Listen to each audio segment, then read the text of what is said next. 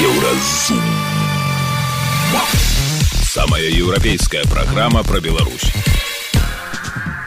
Вітаю, гэта праграма Еўразум. І самыя важныя падзеі сэнсы чацвярга 23 лістапада. Ці падтрымаюць партнёры па АДКБ сенсацыйную прапанову Пуціна. Ну что-то такое красивое, наверное, может они и заявят, а может и вообще ничего не заявят такого, скажут, что мы едины как никогда. И там же главное сказать, у них же очень так развиты эти советские практики. Все может быть очень плохо, но мы объявим все, что все замечательно, и все будет замечательно. Банкі прагназуюць дэвальвацыю. Чаго чакаць беларусам? Всем напомню, там Путин собирается переизбраться весной. А как правило, mm-hmm. до выборов там полгода э, всегда диктаторы стараются как-то как-то все сделать максимально тихим и накачать экономику деньгами, накачать людей дополнительными повышениями зарплат и так далее. А вот когда они уже э, закончат этот маскарад э, с переизбранием, они идут во все тяжкие. Калі данаты злачынства. Гісторыя беларуса і яго ўзаемаадносін з КДБ жыццё адрозніваецца кардынальна але цяпер мы быццам у добрым кіно. Пра гэта ды іншае больш падрабязна цягам бліжэйшай гадзіны. Еўразум. Жыві ў рытме Еўропы. У мінску прайшоў саміт АДКБ, куды прыляцелі лідары краін партнёраў па альянсу, апроч прэм'ера Арменіі Нікола Пашыняна. Гэтая краіна праігнаравала сустрэчу праз рэзкае пагаршэнне адносін з рассіяй. Напярэдадні івенту анансавалася, што Пуін завітае ў Беларусь з сенсацыйнай прапановай стварыць адзіную супрацьпаветраную абарону для краін АДКБ. Прапаганда паспяшалася гэта ахрысціць адказам на пашырэнне НАТО. Аднак гэтае рашэнне мусіць прымацца з'яўляцца кансэнсусам то бок усімі сябрамі адКб у тым ліку адсутнай арменіяй.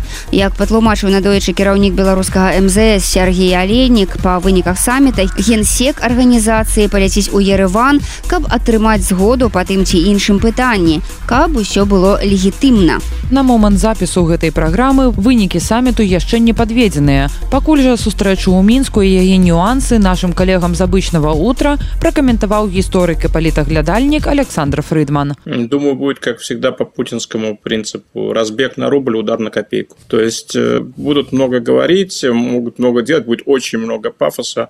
Все закончится каким-то очередным э, пшиком. Ну и им и надо говорить. АДКБ находится в очевидном кризисе, причем э, демарш Армении, он довольно откровенный, а Путин все-таки туда, туда едет на это совещание. Поэтому надо что-то показать, показать, что Путин это же такая серьезная фигура, он же не едет на проходные абсолютно неважные э, совещания. Ну, поэтому они и готовят. Но ничего такого судьбоносного там, э, там не будет, потому что, ладно, с Лукашенко тут э, все понятно, и в военном сотрудничестве все понятно.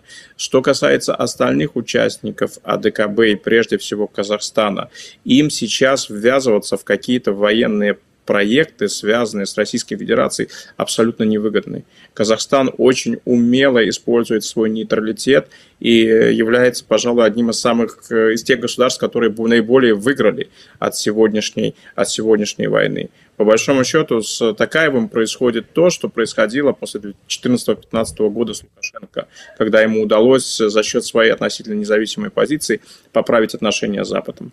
Но вот то же самое делает Такаев, если посмотреть, что пишут сегодня о Казахстане. Ну, в Казахстане, конечно же, далеко не идеальная демократия, скажу я саркастически.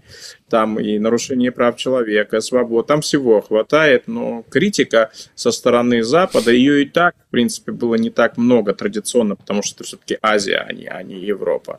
Но сейчас ее-то практически нету. Если смотреть, что пишут о Такаеве и что пишут о развитии Казахстана, это все довольно позитивно. Имидж Казахстана очень улучшился при, при Такаеве на Западе. Ну а зачем ему в какие-то странные проекты российские залезать еще глубже? А ДКБ это аморфная, аморфная структура. Ну а какое ПВО там стоит у Казахстана, Таджикистана или у Киргизии, ну это НАТО особо на данный момент и так э, не интересует. И я не думаю, что в Китае очень сильно обрадуются, если среднеазиатские соседи Китая будут втягиваться еще глубже в такого рода э, проекты. Поэтому что-то такое красивое, наверное, может, они и, и, и заявят, а может, и вообще ничего не заявят такого, скажут, что мы едины как никогда, и хоть Армении не, ну, а по Армению говорить не будем, кто единый как никогда. Там же главное, главное сказать, они же все, они, у, у них же очень так развиты эти советские, советские практики. Все, все может быть очень плохо, но мы объявим все, что все замечательно, и все будет замечательно. Так что никаких э, сенсаций я тут, э, тут, собственно говоря, не жду. Ну, а не появился бы Путин, ну, тоже просто для Лукашенко было бы обидно. И это еще бы понизило значение АДКБ. Так что это тот, тот случай, когда ехать надо на проходное, на проходную встречу. Ну, вот встретятся, поговорят, разъедутся.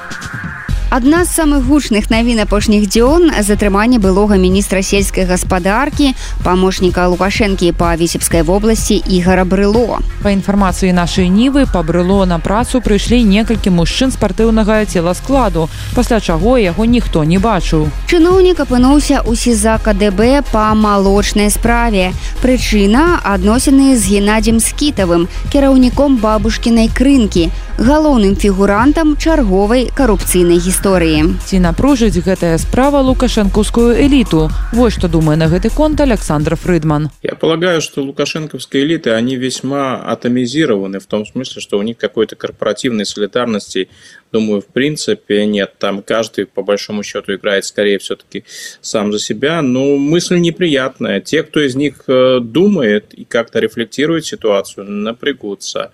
Потому что это как раз-таки история из той серии, каким бы ты ни был, а если захотят, то и тебе наденут наручники.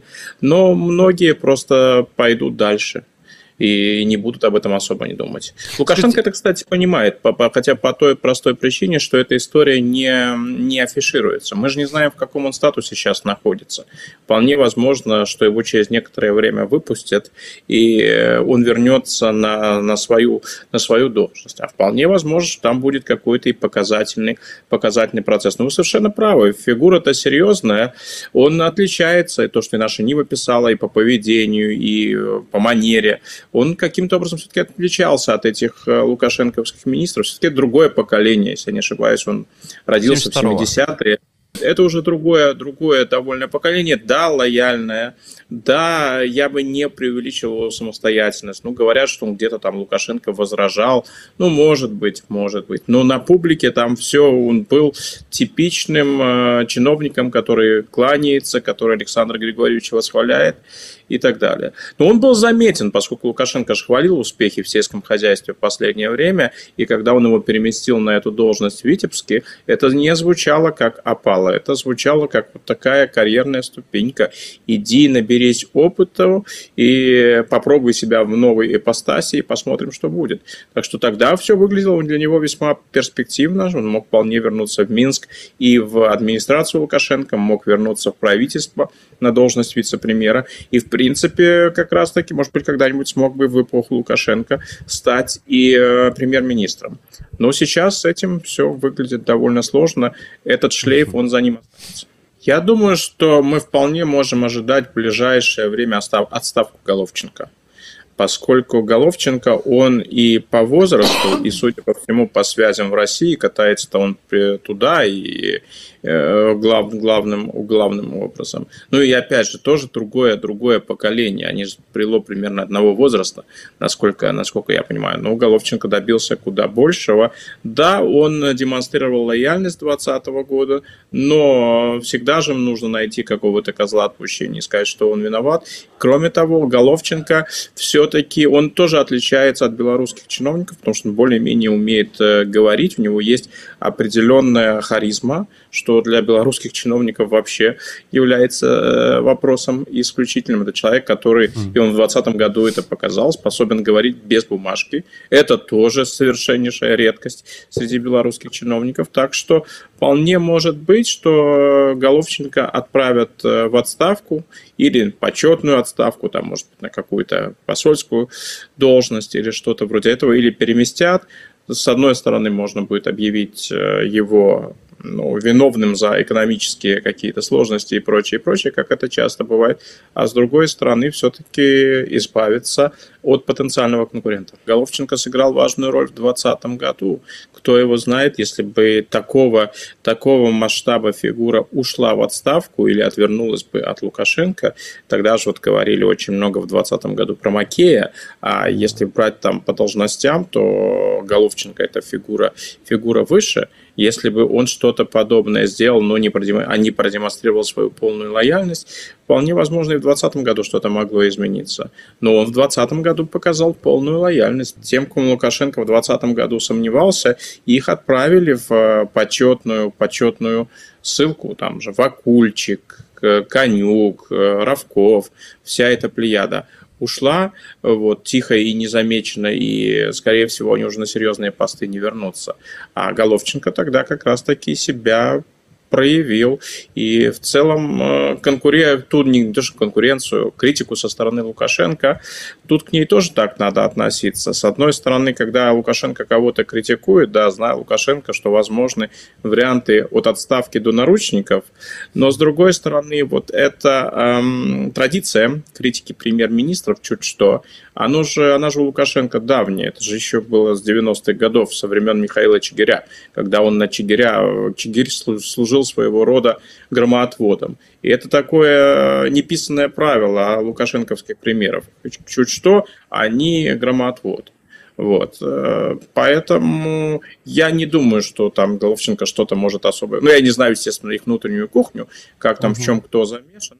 А, но я думаю, что если там закончится и отставка, и в итоге через некоторое время отставка Головченко, а мы знаем, что у Лукашенко премьеры все-таки сидят довольно долго на своем посту, но это не десятилетие.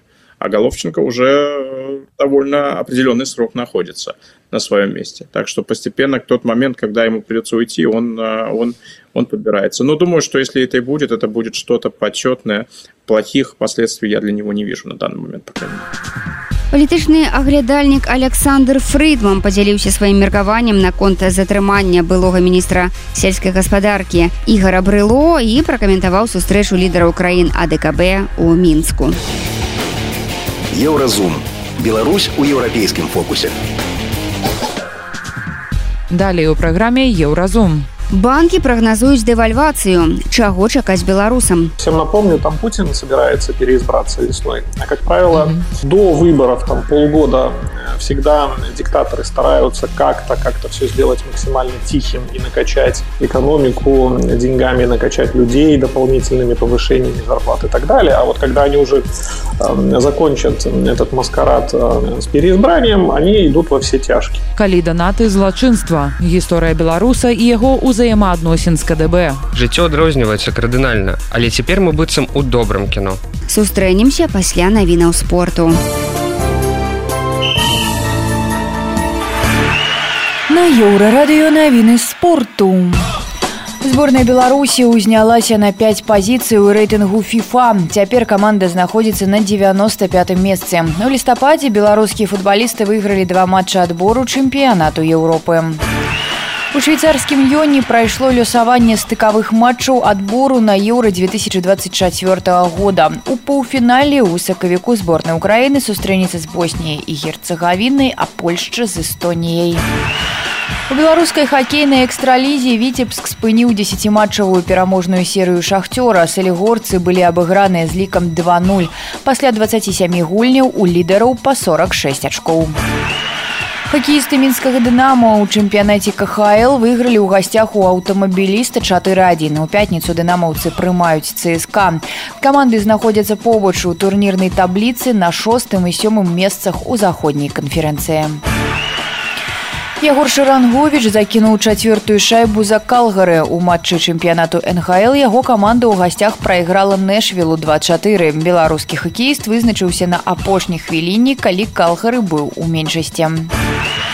Баскетбалісты мінска працягваюць серыю паражэнняў у адзінай лізе ВТБ. Яна павялічылася да 12 матчаў. На гэты раз меншукі прайгралі саратаўскаму аўтадору 76-91. Гэта былі навіны спорту на еўрарадыё. Заставайцеся з намі.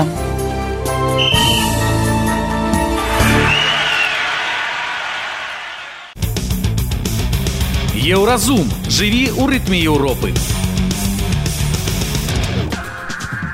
У наступным годзе банкі і эксперты прагназуюць дэвальвацыю нацыянальнай валюты. Фінансісты мяркуюць, што беларускі рубель можа упасці на 10соткаў. Праўда, у большасці банкаў лічаць, што гэтае падзенне будзе паступовым без рэзкіх скокаў курса. Аднак лічбы, якія банкі закладаюць у свае планы на наступны год, могуць сапсаваць настрой беларусам. Напрыклад, паводле піетэт банку долар у новым годзе можна будзе набыць за 3 рублі 40 копеек. Еўра будзе каштаваць 3 рублі 60 копеек. Іншыя банкі выстаўляюць некалькі іншыя лічбы, але яны мала чым адрозніваюцца ад вышэй згаданых. Пра прычыны непазбежнай дэвальвацыі і параўнання яе з эканамічным крызісам 11 -го года YouTube каналу обычное утро распавёў эканаміст і кіраўнік проекта кошт ураду Владимир Ковалкин. Эм, если мы говорим про 2011 год, там, кроме, собственно говоря, объективных причин, которые были вызваны в том числе экономической политикой,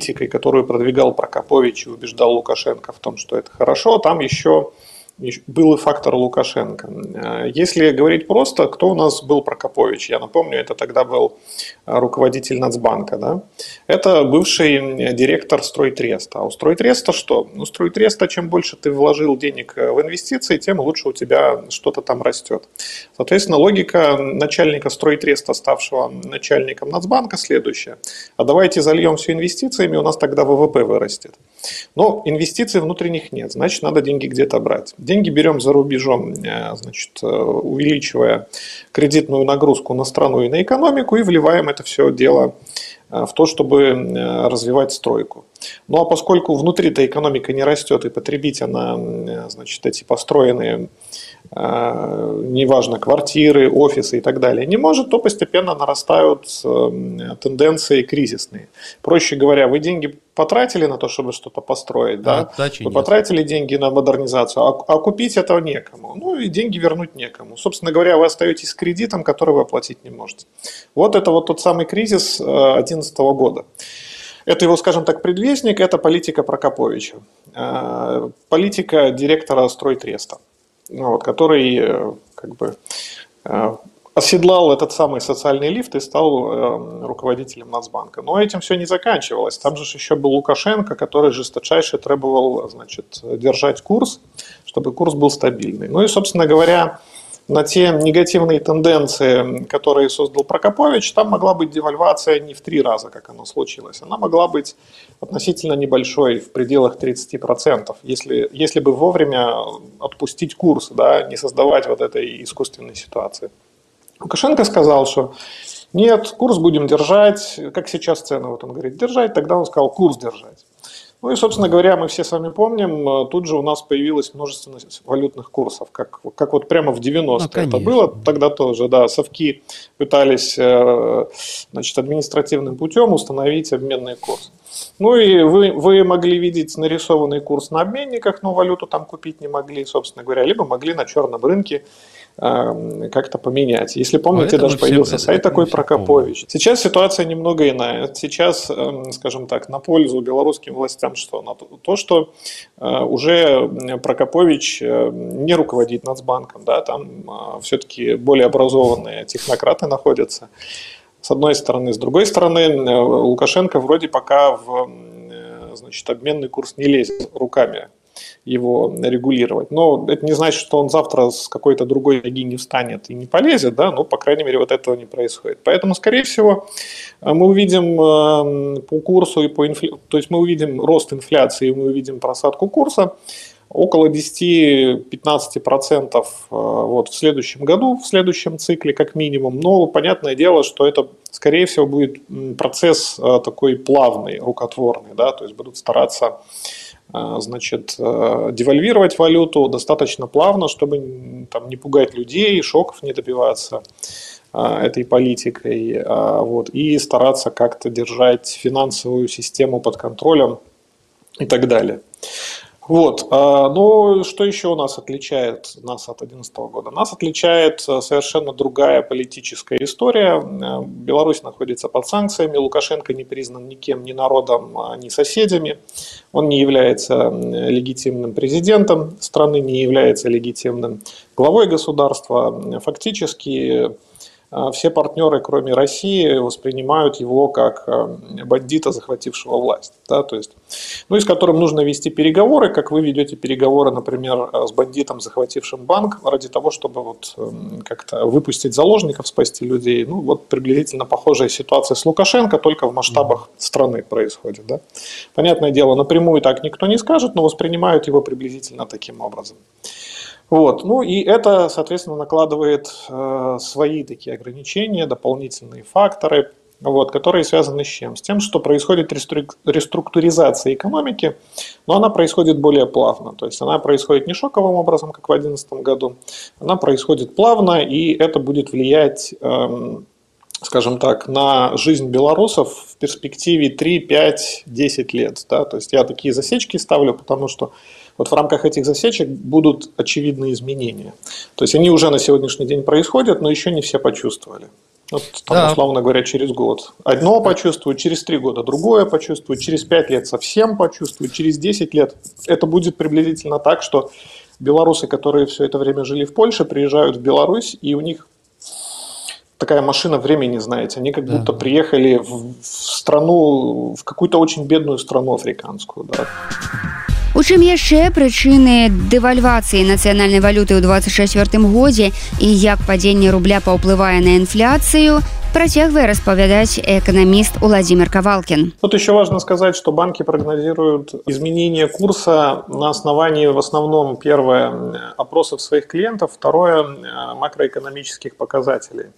А, банки не анализируют эм, политическую составляющую всего этого процесса. Mm-hmm. Вот, она, она у нас с вами, э, во-первых, непредсказуемая, во-вторых, пугающая.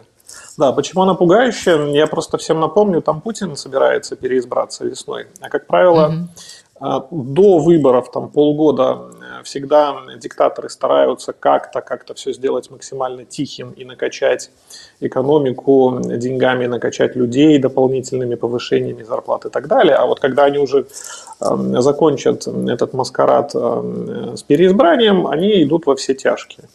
Вот. Э, и есть фактор того, что война в Украине может очень сильно идентифицироваться, могут начаться проблемы границы э, Россия-ЕС. То есть здесь я просто хочу сказать, что есть еще дополнительное количество всяких политических факторов, которые могут отыграть на экономику и, в свою очередь, на курсы вот, то есть там как раз э, это не черные лебеди, потому что это вещи ожидаемые, они скорее не, они скорее не ожидаемые для нас, а для Путина и для э, где-то для Лукашенко, где-то для генеральской верхушки это вещи все планируемые. Что они там задумали, мы, как обычные люди, не знаем, у нас с вами разведки нет.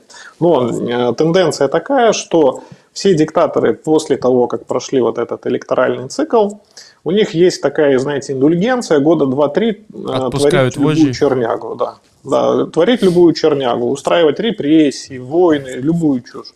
Вот, потому что что? Они вот сказали, вот меня народ избрал, значит, мне дали индульгенцию, творить все что угодно, я и творю. На инфляцию влияет, безусловно, изменение курса, это называется импортированная инфляция. То есть, если у вас большое количество товаров импортируется и курс меняется, происходит девальвация, то и, соответственно, инфляция происходит, потому что вам нужно больше рублей для того, чтобы купить условно тот же самый iPhone. Ну и, собственно говоря, на iPhone эта инфляция и чувствуется. И тут мы приходим к тому умозаключению, что у каждого инфляция своя. Да? Вот у Белстата своя, а, там, у жителя агрогородка своя, у жителя города Минска или там, Гомеля своя. Почему так? Потому что у людей разная структура потребления, вот, а у Белстата своя корзина. И порой такая корзина, которая в том числе выгодна для того, чтобы показать низкую инфляцию. Если мы возьмем ту инфляцию, которую, может быть, ощущает человек совсем не богатый, из сельской местности, из маленького городка, она может быть действительно близка к той инфляции, которую показывает Белстат. Почему? Потому что человек покупает максимально дешевые товары, и эти товары очень часто контролируются, цены на эти товары контролируются местным исполкомом, например. Да? Где закручивают гайки, где ну, да. закручивают цены. А если мы возьмем средний класс, то он ощущает совершенно другую инфляцию, он покупает совершенно другие товары, продукты, которые вполне возможно не контролируются или а, в потребительской корзине такого человека а, товаров, а, цены на которые контролируются гораздо меньше. вот, и гораздо больше импортных товаров. Поэтому для жителей райцентра может быть инфляция 5%, а для жителя Минска 20%. Все очень сильно зависит от того, что вы покупаете, что вы потребляете. Опять же, такой очень, может быть, далекий экскурс в Советский Союз, да, если вспомнить, э, там цены на джинсы, там джинсы стоили две зарплаты, да, почему так происходило? Потому что товар импортный. Вот, потому что хочешь, не хочешь, ну вот плати по тому обменному курсу, который есть, да, и тому черному рынку, у которого эти самые джинсы есть. А с другой стороны, ты на эти две зарплаты худо-бедно можешь питаться, пускай не очень хорошо, вот, но питаться можешь. Поэтому и инфляция разная. Если вы спросили бы, условно говоря, про инфляцию у советского человека конца 80-х из э, глубинки, он бы сказал, ну, цены как цены, какие были, такие остались. А если вы бы спросили про цены, не знаю, у питерских модников и модниц, которые любят носить джинсы, слушать Битлз на пластинках и так далее, они сказали, вы что, это с ума сойти можно. Я за одни джинсы две зарплаты отдать можно. З намі быў эканаміст Владзімир Кавалкін. Ён патлумачыў, чым будзе адметная будучая дэвальвацыя, якую прагназуюць банкі і эксперты. Еўразум. Беларусь у еўрапейскім фокусе. Далей у праграме Еўразум. Калі данаты злачынства, гісторыя беларуса і яго ўзаемаадносін з КДБ. Жыццё адрозніваецца кардынальна, але цяпер мы быццам у добрым кіно. Сустрэнемся пасля навінаў шоу-бізу. Showbiz.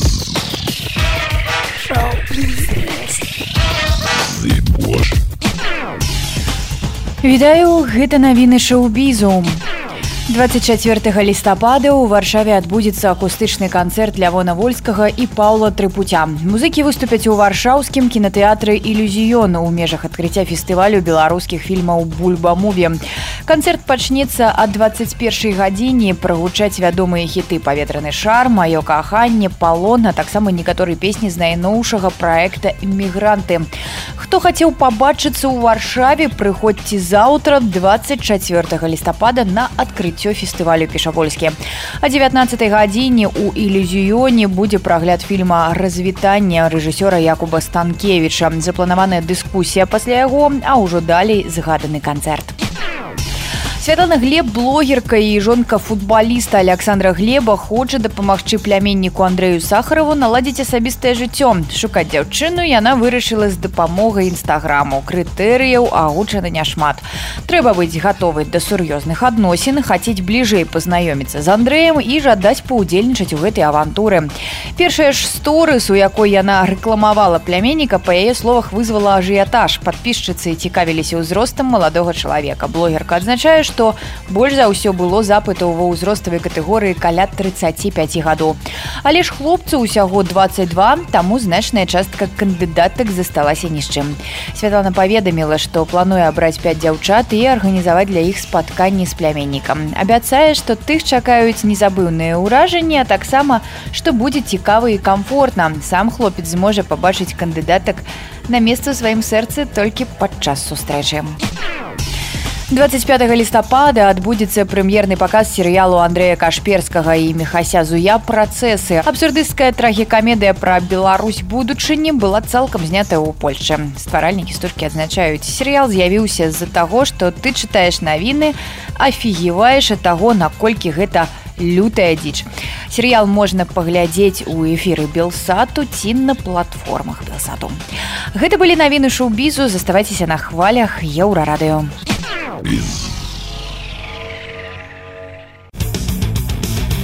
Еўразум. Жыві ў рытме Еўропы.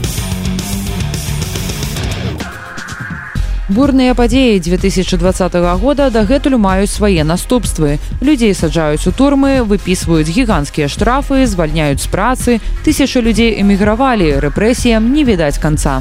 У метадах барацьбы з так званымі нязгоднымі рэжым лукашэнкі ўсё часцей звяртаецца да новых выдасканаленых спосабаў. Адзін з іх спагнанне велізарных сум з тых, хто калі-небудзь падтрымліваў грашыма беларускія грамадскія фонды. Такая гісторыя адбылася і з Михаілам, які працаваў на дзяржпрадпрыемстве. Мужчыну выклікалі на допыт у КДБ, праверылі тэлефон і прымусілі кампенсаваць суму даната на рахунак адной з дзяржаўных сацыяльных устаноў. Еўрарадыё высветліла, як праходзіла гутарка сілавіком і як пасля гэтага склаўся далейшы лёс Михаіла. Слухаем наш рэпартаж. У 2020 годзе яшчэ да выбараў 9 жніўня суразмоўца еўрарадыё Михаил пачаў актыўна удзельнічаць практычна ва ўсіх актах пратэсту, якія ладзіліся ў яго горадзе. Ён не мог заставацца ў баку і глядзець на відавочны крымінал з боку рэжыму. Разгоны акцыі, збіццё і нават забойствы мірных пратэстоўцаў не пакінулі яго абыякавым. Я спрабаваў хоць неяк дапамагчы людзям, таму пару разоў пералічыў невялікія сродкі праз Facebook на дапамогу тым, хто пацярпеў ад беззаконня карнікаў. Пасля завяршэння актыўнай фазы пратэстаў у 2020 годзе кіраўнік прадпрыемства выклікаў Михаіла на размову праз яго пазіцыю. Паводле яго слоў пагроз не было, проста пагаварылі пра тое, як усім важна захаваць сваё працоўнае месца. Потым кіраўніцтва заяўляла пра тое, як важна супакоіць калектыў, давала пустыя абяцанні, але ўсё гэта абсалютная хлусня. Далей горш, ціск рос і прывёў да звальненняў непажаданых супрацоўнікаў нават не абавязкова паводле палітычных матываў. А потым і зусім па прадпрыемствам замацавалі былога супрацоўніка КДБ.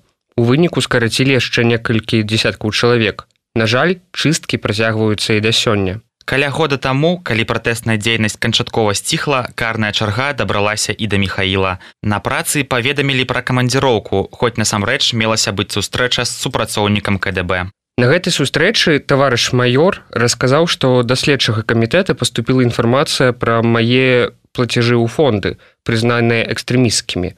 Ён прапанаваў даць мне ўсе дадзеныя плацяжоў добраахвотна. У адваротным выпадку мне пагражала затрыманне тэрмінам да трох сутак і ператрус. Падчас дагляду тэлефона з Facebook былі ўзятыя звесткі пра плацяжы, былі складзены яўка з павіннай, абавязательства аб неразгалошванні і пратакол агляду тэлефона. Акрамя гэтага, у якасці кампенсацыі мужчыну давялося заплаціць 500 долараў у эквіваленце адной з дзяржаўных дабрачынных устаноў, што было ў разы больш за суму яго данатаў. У гэты ж дзень мяне прымусілі напісаць заяву аб звальненні. Супраціўляцца не мела сэнсу, стала цалкам відавочна у Беларусі для мяне і маіх блізкіх стала вельмі небяспечна. Пра пераезд мужчына задумваўся і да выпадку КДБ, але пасля канчаткова прыняў рашэнне пакінуць Беларусь. Краіну пераезда была непрынцыповая, галоўнае з'ехаць. Цяпер Михаил знаходзіцца ў бяспечнай краіне, знайшоў працу па спецыяльнасці, дзеці пайшлі ў школу. Кажа, перыядычна ўзнікае туга па Беларусі, але планаў вяртацца ў яго няма. Прывыкаем па-рознаму. Дзеці лёгка я таксама. Жонца эміграцыя даецца крыху складаней. Жыццё адрозніваецца кардынальна, але цяпер мы быццам у добрым кіно. Інфармацыйная служба еўрарадыё. Еўразум. Беларусь у еўрапейскім фокусе. Гэта была праграма Еўразум, штодзённы інфармацыйны падкаст еўрарадыё. Кожны дзень мы распавядаем пра галоўныя навіны Беларусі і свету. А сённяшні выпуск скончаны. Беражыце сябе. Пачуемся.